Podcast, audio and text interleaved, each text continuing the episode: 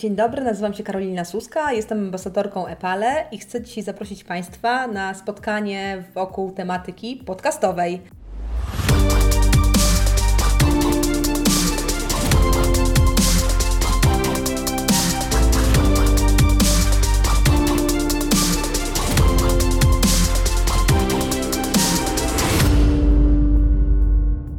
Będziemy rozmawiać o roli podcastów w edukacji, o podcastach i ich sile, którą mogą nieść w kontekście właśnie edukacji osób dorosłych, w kontekście rozwoju trenerów, edukatorów, osób, dla których ta tematyka jest ważna, istotna i może być ciekawa.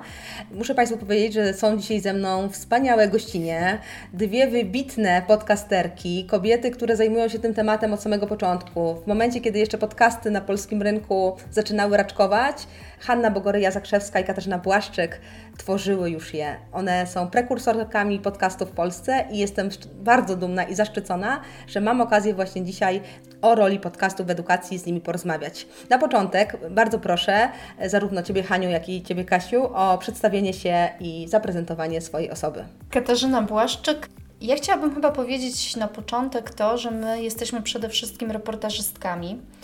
I przez wiele, wiele lat pracowałyśmy w polskim radiu, właśnie w redakcji reportażu, tworząc reportaże radiowe. I stąd pewnie powiedziałaś, że jesteśmy prekursorkami podcastów, bo czymże innym jest podcast, jak nie taką audycją na żądanie, przygotowywaną właśnie dla internetu. Od lutego jesteśmy freelancerkami, a właściwie tworzymy własny projekt już tak pełną parą i własne firmy. To jest Torba Reportera i Podcastera gdzie uczymy, jak robić dobre podcasty, jak robić dobre reportaże i dobre audio. No i też tworzymy na zamówienie podcasty dla NGO-sów, dla firm, dla osób prywatnych. Jeżeli chodzi o promocję podcastów, to w tym celu powstał blog Torby Reportera i Podcastera i na tym blogu już jest, to jest aż nie do uwierzenia, ponad 120 wpisów i 30 ponad podcastów, które właśnie mają służyć rozwijaniu warsztatów. Także to jest też dla nas y, bardzo ważna działalność i w związku z tym napisałyśmy też e-booka Sztuka Rozmowy w podcaście i nie tylko. A wcześniej jeszcze napisałyśmy książkę o naszych bohaterach z reportaży radiowych. Zdarzyło się naprawdę opowieści reporterskie. Jak możemy między innymi wykorzystywać podcasty w edukacji? Jakaś dobra wskazówka, dobra rada dla osób, które dzisiaj uczą, mają szeroką wiedzę i myślą o tym, może powinnam albo powinienem zacząć od podcastów. Zawsze mówimy, że podcasty świetnie sprawdzają się w edukacji i w inspirowaniu ludzi. Dlaczego? Dlatego chociażby, że mm, powstają różne programy y, na wideo, które są zamieszczane na YouTubie. Tylko problem polega na tym, że chyba wszyscy już jesteśmy zmęczeni siedzeniem przed komputerem. I kiedy coś oglądamy z YouTuba, to znowu musimy w ten komputer się patrzeć. A podcast to jest taka forma, że możemy sobie pójść na przykład pobiegać do lasu, albo wyjść z psem, albo jechać samochodem i słuchać. Poza tym, mm, w momencie, kiedy słyszymy głos, kiedy ktoś ciekawie opowiada, to wpływa na nas bardzo emocjonalnie. My się z tym kimś dobrze czujemy, chcemy go słuchać dalej. Jeżeli podcast jest dobrze poprowadzony, jest ciekawy, to my się związujemy z, z jego twórcą i później wracamy do niego. To jeszcze dodam, że warto pomyśleć, jaki ten podcast powinien być. Nie tylko, że chcę go tworzyć, fajnie, chcę go tworzyć, ale jak, żeby spełniał te moje cele, te cele edukacyjne, czyli w jaki sposób powinnam to podać odbiorcom. Bo ja często słyszę, ach, przecież e, filmik na YouTubie też mogę usłyszeć, mogę go sobie puścić jako audio. Okej, okay, ale jeżeli to jest dobre wideo, to jest zrobione w ten sposób, żeby oddziaływało też na naszą wyobraźnię i trochę działało podprogowo w sensie obrazu. Czyli jeżeli tego obrazu nie ma, no to to już traci. Tak samo jest z podcastem. Jeżeli jest dobrze zrobiony, to działa też w warstwie dźwiękowej. Czy jest jakiś e, taki konkretny, nie wiem, klucz do tego właśnie, jak dobrze opowiedzieć, jak go skonstruować, jakie elementy muszą być, żeby on faktycznie na tym takim właściwym scenariuszu się opierał? Na pewno najważniejszy jest początek, bo w tych czasach, kiedy na nic nie mamy czasu właśnie, to każdy z nas e, skroluje tego Facebooka, przegląda kanały w telewizji, spieszy się i coś musi zaczepić jego oko albo ucho. I tak samo w podcaście jest bardzo ważne, żeby na początku było ciekawie. My możemy teraz zaprezentować, jak wygląda intro naszego podcastu Torby Reportera i Podcastera. Mamy dwie takie starą czołówkę i nową. Zacznijmy od tej starej. Słuchacie podcastu Hani i Kasi z torbyreportera.pl Proszę. Dzień dobry. O, witam. Czy przypadkiem pani by nie zjadła krupniku? Znakomity. Otwieramy przed Wami drzwi do świata dźwięków, podcastów, reportaży i opowieści. Zapraszamy. A to pani nagrywa? Ja wzorowałam się i zawsze się wzoru, wzoruję, ponieważ my też tworzymy intro na, na zamówienie, intro, outro, jingle w ogóle. I to jest taka moja działka w torbie reportera.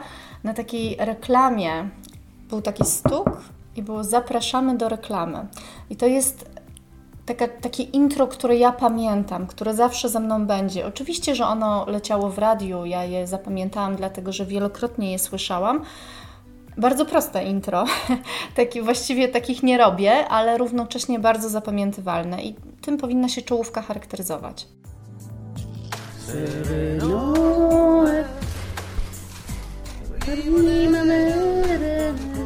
Jak nagrać to, co zdarza się pomiędzy ludźmi?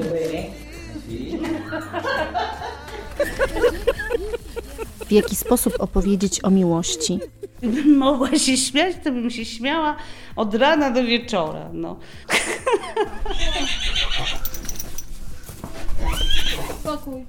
Wolności, godności. A to znaczy co, już zaczynamy? Już wszystko? Tak, tak. Zapraszamy na podcast Torby Reportera i Podcastera. Uczymy, jak robić dobre audio. Czyli musimy dobrze zacząć. Co wkładamy do środka? To zależy, bo to zależy o czym jest podcast. Są bardzo różne podcasty edukacyjne. Przede wszystkim pytamy samych siebie, ok, kim jest mój odbiorca, albo kim chcę, żeby był mój odbiorca. To jest najważniejsze, bo jeżeli to są dzieci, to będę używała zupełnie innego języka. Jeżeli nastolatki, też innego, jeżeli osoby dorosłe, innego. Do kogo ja chcę trafiać z tym podcastem? Jakie te osoby mają wykształcenie? Czy to są kobiety, czy mężczyźni?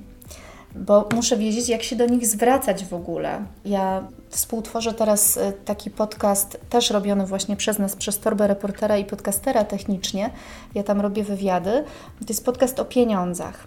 I założeniem dziewczyny, która go wymyśliła, od razu było: My robimy ten podcast do, dla kobiet. Czyli zwracamy się do słuchacza jak do kobiety. Lubię pieniądze, lubię je zarabiać, lubię je wydawać, ale powiem Ci szczerze, że jak przygotowywałam się do tego nagrania, zorientowałam się, że się boję. Empatycznie o pieniądzach. Podcast Izy Kaźmierczak. Cześć, witamy Was serdecznie w podcaście Empatycznie o pieniądzach. Ja nazywam się Katarzyna Błaszczyk i jestem dziennikarką. A ja jestem Iza Kaźmierczak i jestem coachem i trenerką empatycznej komunikacji. Oczywiście on też jest słuchany przez mężczyzn, bo to widać na statystykach, ale w większości zwracamy się do kobiet i w większości podejmujemy tematykę kobiecą, w większości o tych pieniądzach rozmawiamy od strony kobiet, bo kobiety są jej klientkami, czyli są jej odbiorcami. Następną rzeczą, nad którą trzeba się zastanowić, to nad formą tego podcastu, bo ona może być bardzo różna. Może być tak, że jedna osoba siada i opowiada, tak, bo ma dużo wartościowej wiedzy do przekazania. No ale tutaj zaczyna się problem, który odkrywają też nasze klientki, które się zgłaszają do nas na szkolenia że owszem, mają bardzo ładny głos, ciekawe brzmienie tego głosu, ale jednak usiąść i opowiadać 20 minut przed mikrofonem w sposób ciekawy, no to pojawiają się pewne problemy z brzmieniem, z artykulacją. Ostatnia osoba, z którą pracowałam, odkryła, że ona sobie pisała teksty i nawet czytała je tak, że to nie, nie słychać było bardzo, że czyta, bardziej, że mówi ale odkryła, że sama sobie napisała tak długie zdania, że żeby później je ciekawie przeczytać, czy opowiedzieć, zinterpretować, to nie dała rady, tak? Bo ja jej pokazałam, że musi wybijać właśnie znaki przystankowe różnego rodzaju, że musi modulować głos, że musi być intonacja, żeby to chwyciło. To jest to niebezpieczeństwo, na które trafiają osoby, które same chcą usiąść przed mikrofonem. I tutaj bym jednak proponowała chociaż krótkie szkolenie, żeby sobie zdać sprawę z pewnych rzeczy. Można sobie wymyślić, że będzie to rozmowa. My na przykład z Kasią w tej chwili Kasia ma empatycznie o pieniądzach, a ja z kolei mam podcast Jezus, jak ja mam. Empatyczna Ewka. Właśnie moja znajoma, trenerka empatii Ewa Tyralik od razu powiedziała: Haniu, ja bym chciała, żebyś ty ze mną rozmawiała na tematy empatii. Daj mi spokój, rozumiesz? Dla mnie empatia to towarzyszenie w tym, w czym jest drugi człowiek. Jak tak możesz? Empatyczna Ewka podcast dla tych, którzy chcą porozumieć się bez przemocy. Zaprasza Ewa Tyralik. Zapraszam na drugą część rozmowy o złości. Złość to jest energia, którą naprawdę trzeba z siebie wyrzucić. I właśnie te dwie osoby zwróciły się do nas e, z prośbą o poprowadzenie wywiadów z nimi, dlatego że uznały, że tak będzie lepiej, że same nie dźwigną albo nie będzie to tak ciekawie. Jeszcze może być trzecia forma, czyli taka audycja wieloelementowa, w której mamy połączenie. Może tam być na przykład mm, e, przez pół podcastu rozmowa, może być trochę monologu, a mogą być takie specjalne, stałe, jak gdyby kąciki w rodzaju, nie wiem, kącik poradnikowy albo zagadka dla naszych słuchaczy, więc ta rozmaitość form jest bardzo, bardzo duża. Czy jest jakaś wskazówka, ile podcast powinien trwać? To zależy i od tematyki, i od słuchacza. Natomiast nasze doświadczenie radiowe mówi nam, że jednak między 20 a 30 minut to jest taka opty taki optymalny czas, kiedy po pierwsze jesteśmy w stanie bardzo dobrze utrzymać uwagę na czymś, a po drugie jesteśmy już w stanie powiedzieć coś więcej niż jakieś banały, czy pokazać coś więcej. To, co po może pomóc y, w słuchaniu, żeby utrzymać tą uwagę, to jest po pierwsze mm, też wprowadzenie elementu dźwiękowego na przykład w środku. Tak? To jest taki środkowy dżingiel, w którym przypominamy, czego słuchamy. Teraz możemy podać przykład takich właśnie środkowych dżingli. www.jestembogata.pl i to jest właśnie jeden sposób. A drugi sposób to jest to, żeby opowiadać w podcaście storytellingowo, czyli opowiadać jakąś historię. Żeby słuchacz czekał z napięciem, co z tego wyniknie, żeby podawać jak najwięcej przykładów żeby było dużo konkretów w takim podcaście. To jest bardzo ważne, żebyśmy sobie zdali sprawę, że nie mamy takiego spotkania z kimś twarzą w twarz, kiedy nawet jeżeli ktoś odpływa w dygresję czy mówi na wysokim stopniu uogólnienia, to my patrząc na niego nie nudzimy się.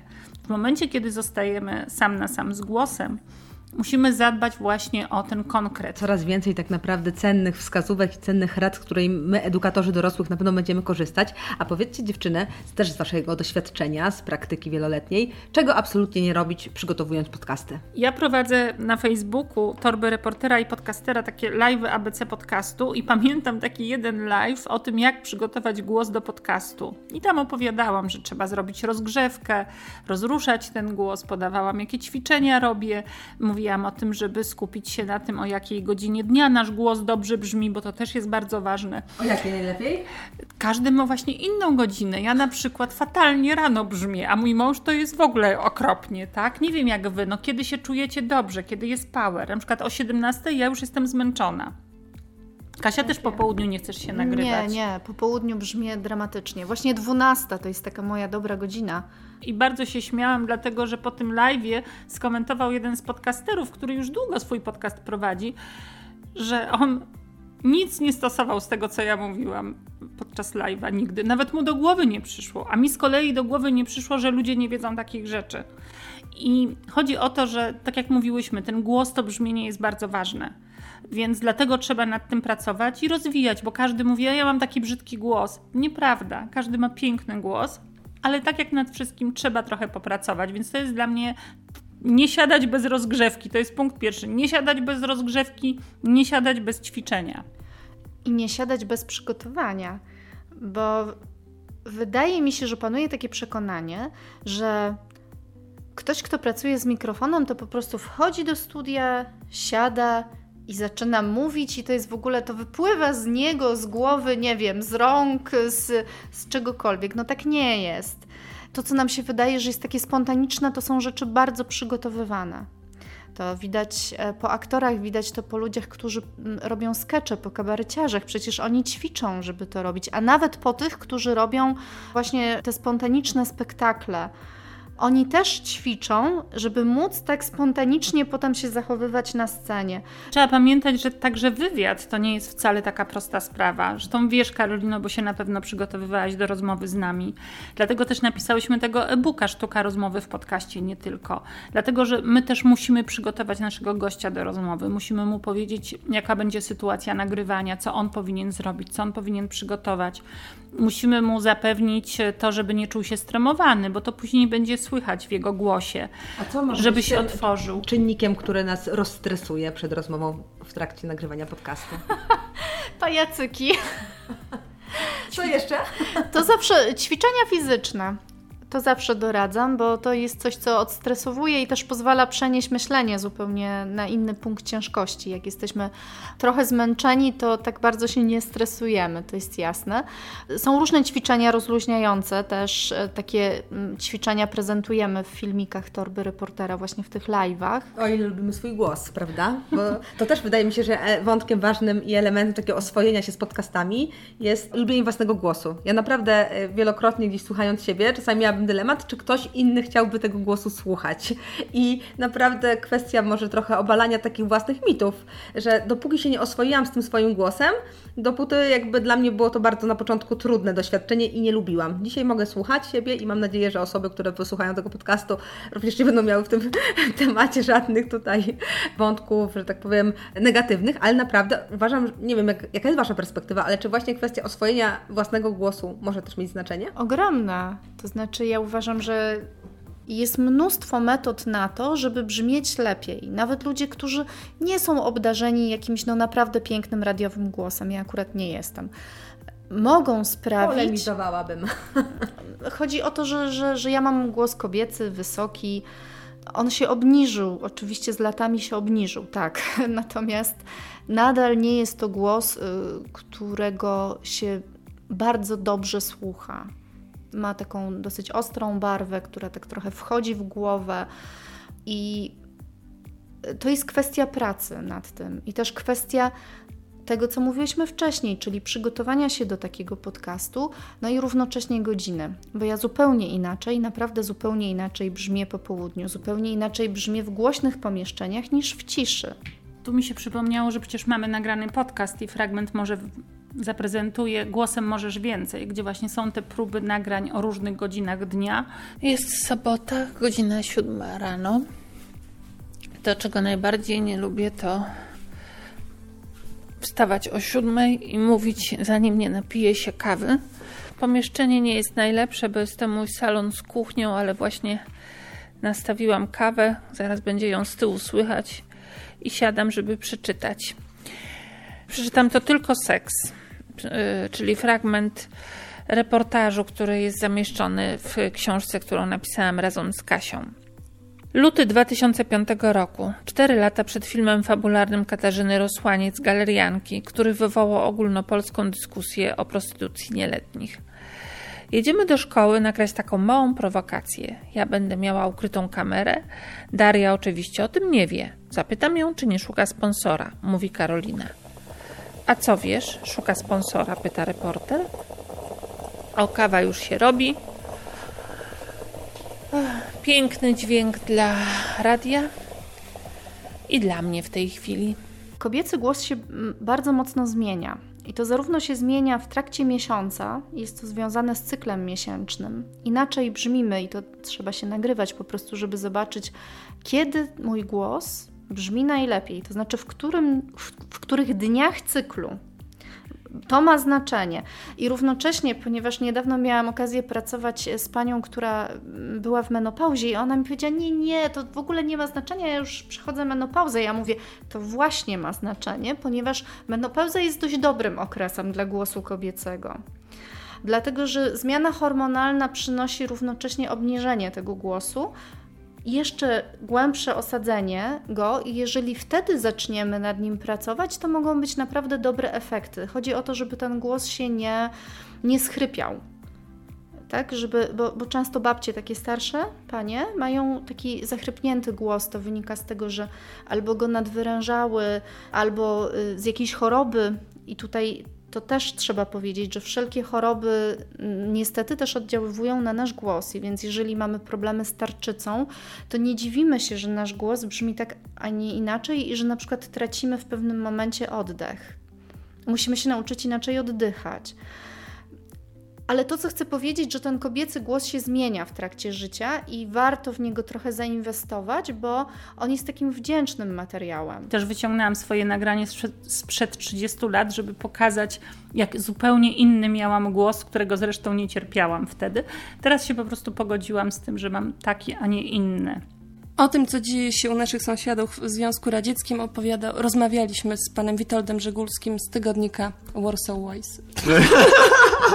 Śmialiśmy się wtedy poprzednio i to, To wyszło. zrób to jeszcze raz. Ludzie mówią, ach, ja zawsze będę źle brzmieć, bo ja mam wadę wymowy. I ja też mam wadę wymowy. A to nie znaczy, że muszę źle brzmieć.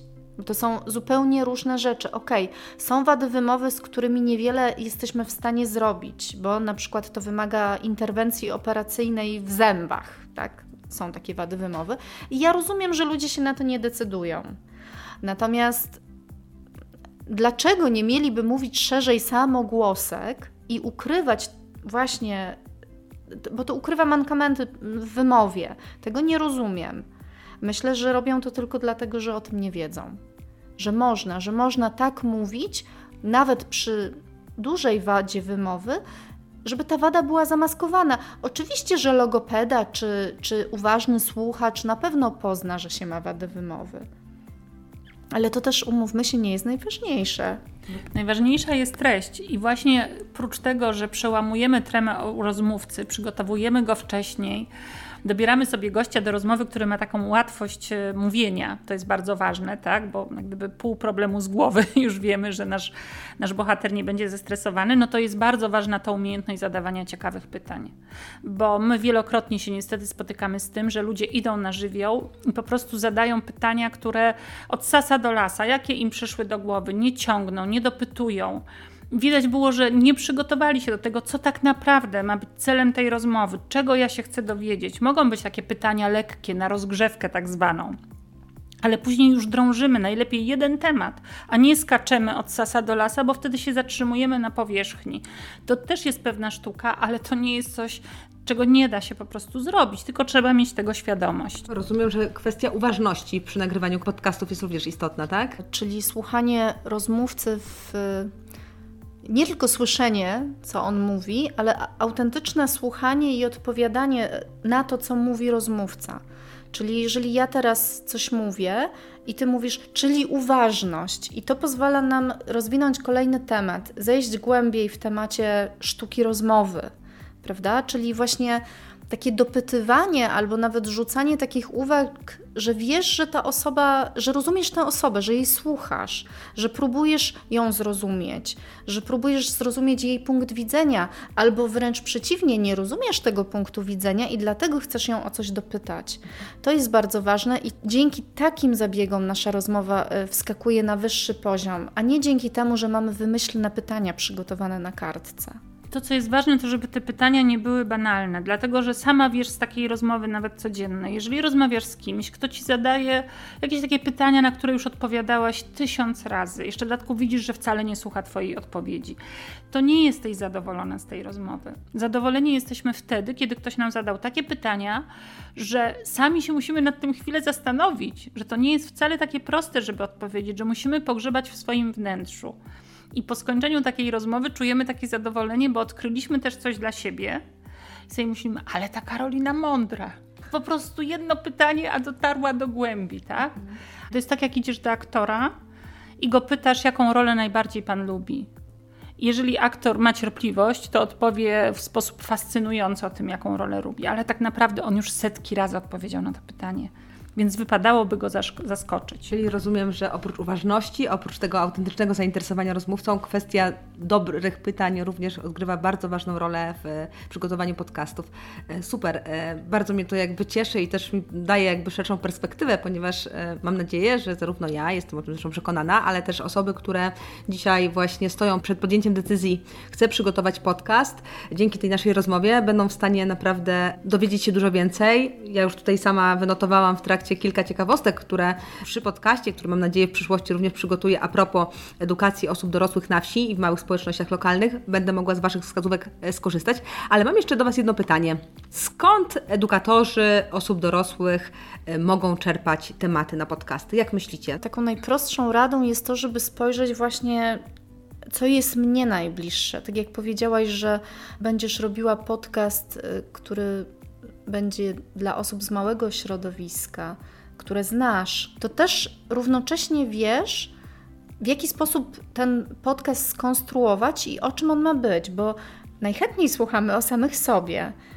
My bierzemy tematy do swoich podcastów ze słuchania innych ludzi, naszych odbiorców. Mamy grupę na Facebooku, gdzie rozmawiamy o podcastach dla firm i dla freelancerów, i tam są zadawane różnego rodzaju pytania. W związku z tym ja wiem, jakich odpowiedzi szukają te osoby. I na ten temat natychmiast staram się zrobić podcast, żeby zebrać wszystkie wiadomości i dostarczyć. Więc to jest najlepszy sposób, jak zawsze rozmawiać, rozmawiać i rozmawiać. Super. Wskazówek jest tutaj bardzo dużo, e, inspiracji tak samo i nawet konkretnych pomysłów.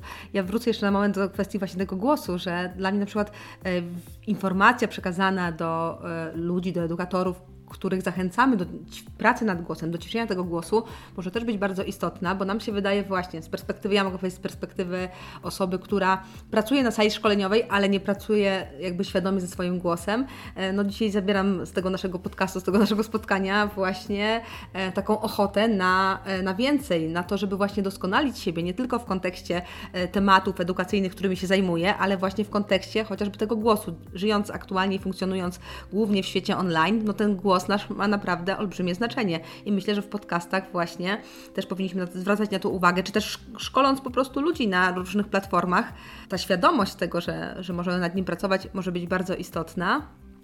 A wątek jakby tutaj numer dwa, e, a propos właśnie tematów, tak jak Hania powiedziałaś, że no różne grupy i tak sobie też myślę teraz o e, kobietach na wsi, o mm, blogu, którym prowadzę i o tym, że tam właśnie tak samo często pojawiają się różne wątki, tylko ja bym dała taką wskazówkę od Ciebie, żebyśmy reagowali w miarę na bieżąco, żeby ten nasz odbiorca zbyt długo nie czekał na to, kiedy ten jakiś wątek czy jakiś temat się konkretnie pojawi. To dziewczyny, mam do Was na koniec jeszcze takie jedno pytanie podsumowujące. Jakby każda z Was zechciała podzielić się trzema wskazówkami dla edukatorów osób dorosłych w kontekście przygotowania podcastów. Takie clue, takie najważniejsze wątki, co byście chciały od siebie jakby, na co zwrócić uwagę, żeby podsumować to nasze dzisiejsze spotkanie, rola podcastu w edukacji osób dorosłych. Mówienie do mikrofonu to jest bardzo intymna sprawa. W związku z tym do mikrofonu mówimy inaczej niż na sali szkoleniowej, bo to jest taki, a nie inny nośnik i warto się tego nauczyć. Nie krzyczymy do mikrofonu, co zdarza się wielu trenerom, których my szkolimy. Przychodzą i mówią: No, ja nie mogę, tak mi się zdziera głos online. No bo krzyczą, po prostu krzyczą. To jest nawyk z sali szkoleniowej, gdzie też nikim nie powiedział, że krzyczeć nie trzeba. Tak zwany szept teatralny jest, prawda? To jest najważniejsze, co powinien umieć aktor, czyli powiedzieć coś szeptem tak, żeby słyszały ostatnie rzędy. Do mikrofonu nie szepczemy, może, może inaczej, możemy szeptać do mikrofonu, czemu nie, natomiast rzeczywiście nie musimy tego głosu nadwyrężać, bo wystarczy się po prostu zbliżyć do naszego źródła, do naszego mikrofonu i już jest inaczej. Ja bym podała przygotowanie. Nie tylko głosu, ale też przygotowanie sobie tego, co chcę powiedzieć, o czym będzie mój podcast, przygotowanie się do rozmowy z moim gościem, nawet jeżeli go znam i wydaje mi się, że wszystko wiem na ten temat, to jednak wypisanie tego. Ale najważniejsze to właśnie dużo się nagrywać, bo to jest niezwykłe, jak poszła technika mocno do przodu i w tej chwili każdy w zasadzie w komórce ma jakąś aplikację do nagrywania siebie po to, żeby zobaczyć, jak brzmię, kiedy brzmię, co mi się podoba, co mi się nie podoba. I to naprawdę nie jest trudne i dla mnie tutaj już nie ma tłumaczenia, że czegoś nie dało się zrobić. Ostatnia rada jest taka, żeby zajrzeli na bloga naszego www.torbareportera.pl, e, bo rzeczywiście tam jest sporo inspiracji, jak zrobić dobry podcast, jak w ogóle zrobić dobre audio. Mm, także zaglądajcie, to jest e, trzecia wskazówka, może tutaj trochę taka przechwałkowa, ale myślę, że warto właśnie uczyć się od kogoś, kto, no, no my mamy te doświadczenia radiowe i też w taki dosyć przystępny sposób, wydaje mi się, robimy te, te rzeczy, także zapraszamy. właśnie na tego bloga. Tak podsumowując nasze dzisiejsze spotkanie, w którym udział wzięła Hanna Bogoryja-Zakrzewska i Katarzyna Błaszczyk, moi drodzy edukatorzy, trenerzy, e, osoby chcące zagłębiać się w tematykę podcastu, trenujmy głos, Szukajmy inspiracji, szukajmy takich podcastów, które dla nas mają jakieś znaczenie. Nagrywajmy się, dzielmy się swoimi emocjami, zaglądajmy na torbę reportera, ale również słuchajmy podcastów, które przygotowuje dla Was Epale. Co miesiąc jeden podcast, który będzie rozwijał zarówno tematy związane z edukacją dorosłych, ale też z rozwojem nas, edukatorów, do czego Was bardzo serdecznie zachęcam. Dziękuję bardzo za dzisiejsze spotkanie. Karolina Suska, ambasadorka Epale.